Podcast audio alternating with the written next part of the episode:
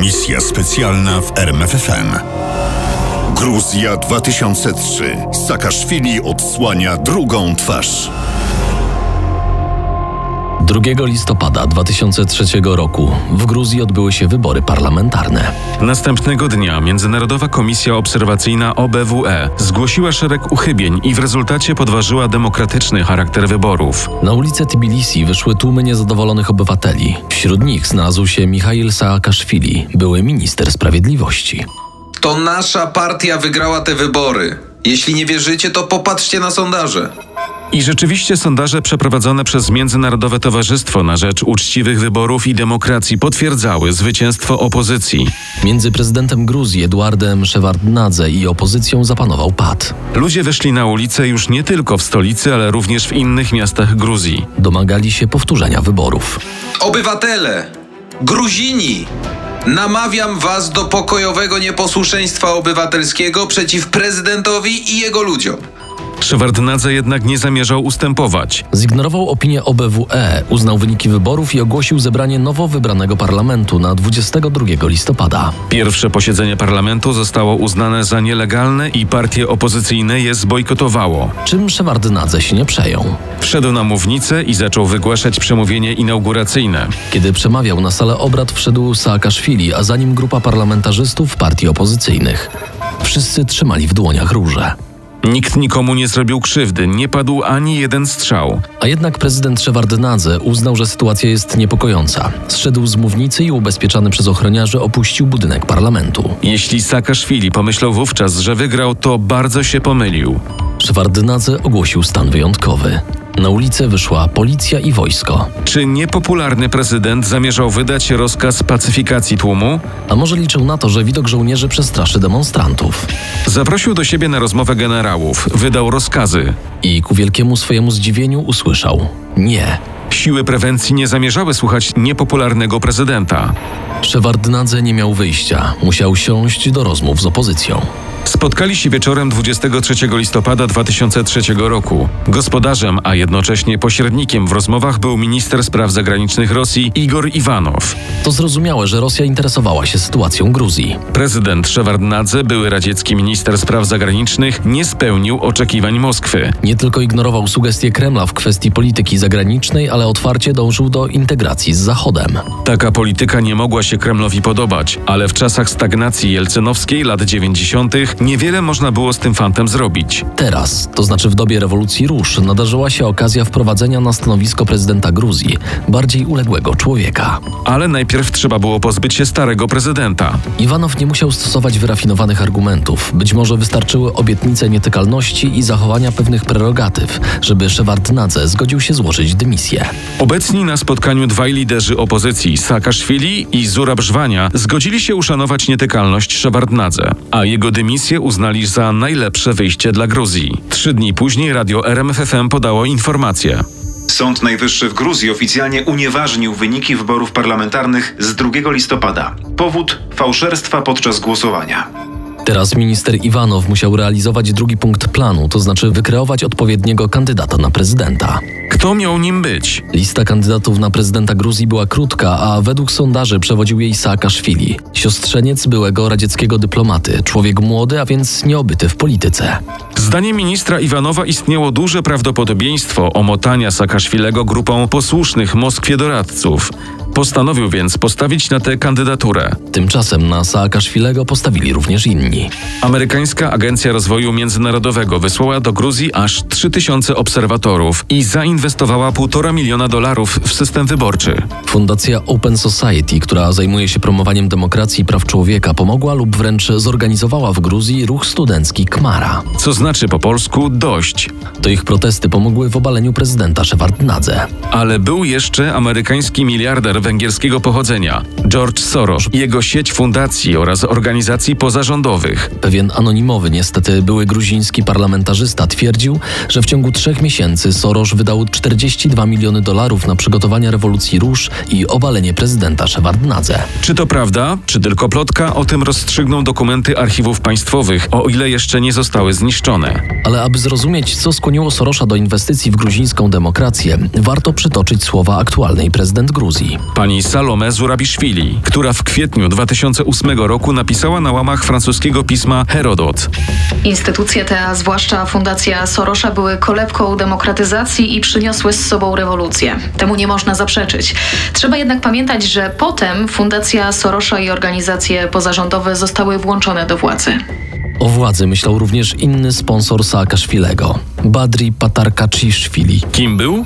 Miał więcej pieniędzy niż budżet Gruzji. Kupił klub piłkarski Dynamo, Dał pieniądze na centrum handlowe w Tbilisi i ośrodek wypoczynkowy nad Morzem Czarnym. a żeby źródło finansowe nie wyschło, kupił terminal naftowy. Gruzinom znany był jako szef gruzińskiego komitetu olimpijskiego i filantrop. Finansował programy społeczne i działalność kulturalną różnych instytucji. Dwukrotnie spłacał długi za gaz i prąd zużywany przez mieszkańców Tbilisi. Budował szkoły, parki rozrywki i klasztor. Filantropia Patarka Ciszwilego nie była tak zupełnie bezinteresowna. Miała cenę. Ówczesny prezydent Gruzji, Edward Szewardnadze, musiał chronić Patarkaciszwilego przed zemstą prezydenta Rosji Władimira Putina. Putin nadał polowaniu na Gruzina pozory prawa. Prokuratura Generalna Rosji wysłała za Patarkaciszwilim list gończy. Sprawa oficjalnie o podłożu gospodarczym była tak naprawdę polityczna. A ponieważ Patarkaciszwili nie wierzył w uczciwy proces, postanowił uciec z kraju. Sprawy te nie były błahe. Groziło mu wieloletnie więzienie, a nawet kara śmierci. Ochrona przed ludźmi Putina zaczęła przygasać w 2002 roku, kiedy Szewardnadze stracił poparcie społeczeństwa.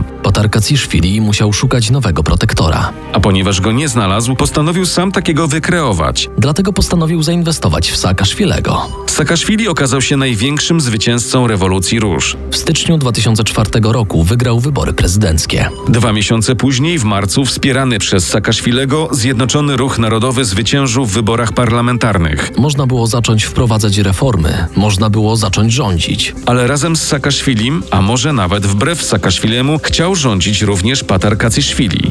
Patar Kaciszwili próbował wykorzystać swoje bogactwo, aby przejąć kontrolę nad życiem biznesowym w Gruzji, a kiedy to się nie udało, zaczął finansować partie opozycyjne. Saakaszwili bał się mojego zaangażowania w politykę, a głównie finansowania opozycji.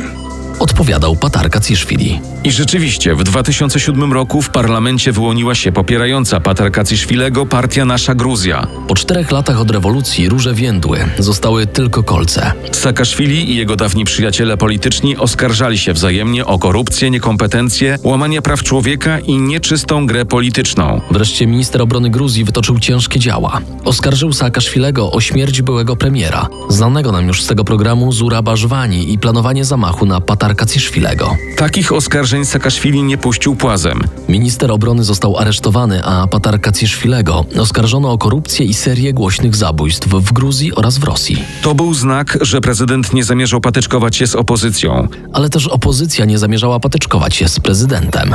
Pod koniec września 2007 roku na ulicę Tbilisi wyszło 15 tysięcy ludzi. Lecz prawdziwa fala demonstracji zaczęła się miesiąc później, 2 listopada. Ludzie oskarżali Saakaszwilego o kierowanie skorumpowanym, autorytarnym rządem i żądali jego usunięcia. Patarka Ciszwili wystąpił we własnej telewizji z oświadczeniem, nie przebierając w słowach.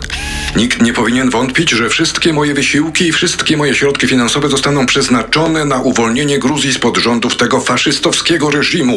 Patar Kacyszwili mocno zaangażował się w działania opozycji. Sponsorował powołaną niedawno przez 10 partii opozycyjnych Radę Narodową i zobowiązał się do finansowania wieców do czasu usunięcia rządu. A tymczasem Saakaszwili zamknął prywatne telewizje, ogłosił stan wyjątkowy i wyprowadził na ulicę policję. Dlaczego ten zwolennik demokracji zareagował tak niedemokratycznie? Od kilku miesięcy słyszymy, że jesienią spodziewane są zamieszki w Gruzji. Otrzymujemy te informacje od naszego wywiadu, który już nam doniósł, że w Moskwie powstał alternatywny rząd gruziński.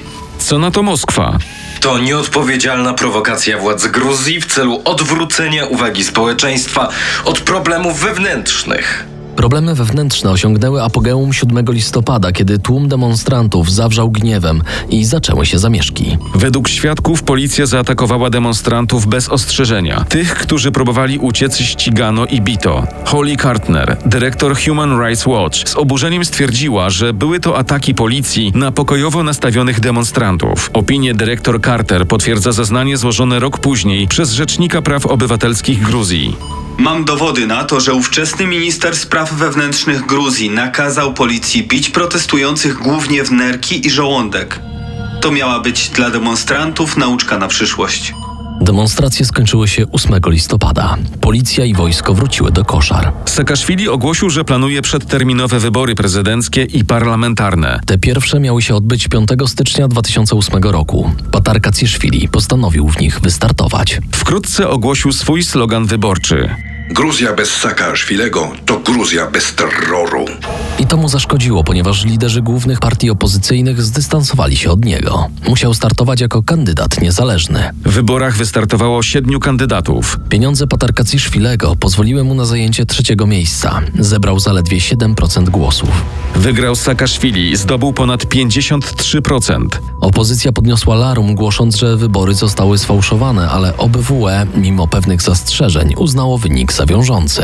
Saakaszwili triumfował, nie stracił poparcia społecznego, mógł nadal rządzić Gruzją i rządził jeszcze niepełne 6 lat, do listopada 2013 roku. A co działo się z Badri Patarkaciszwilim? Po nieudanych wyborach prezydenckich wyjechał do Wielkiej Brytanii, zamieszkał w swojej rezydencji w Letterhead. 12 lutego 2008 roku wieczorem stracił przytomność. O godzinie 22.45 lekarz karetki pogotowia próbował go reanimować, niestety bezskutecznie. O godzinie 22.52 stwierdzono zgon. Wstępne badania wskazywały na zawał serca jako przyczynę śmierci. Według lekarza ból w klatce piersiowej, na który skarżył się Patar Kacyszwili i nagła zapaść były rezultatem choroby niedokrwiennej serca. Jak w każdym innym przypadku nieoczekiwanej śmierci, policja brytyjska potraktowała sprawę jako podejrzaną. Rozpoczęło się śledztwo.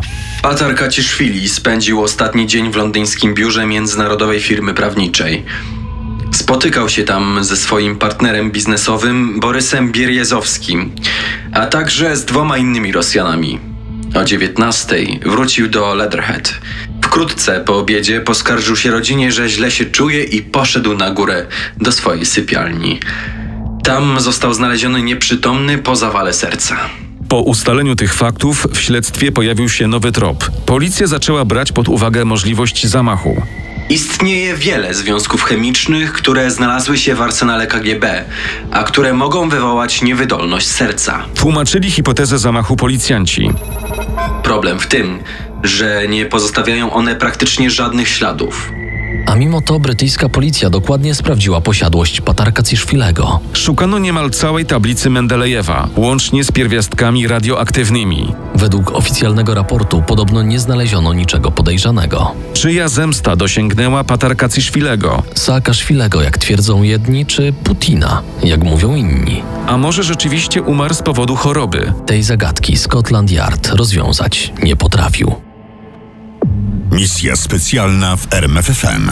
Na tropie największych tajemnic historii.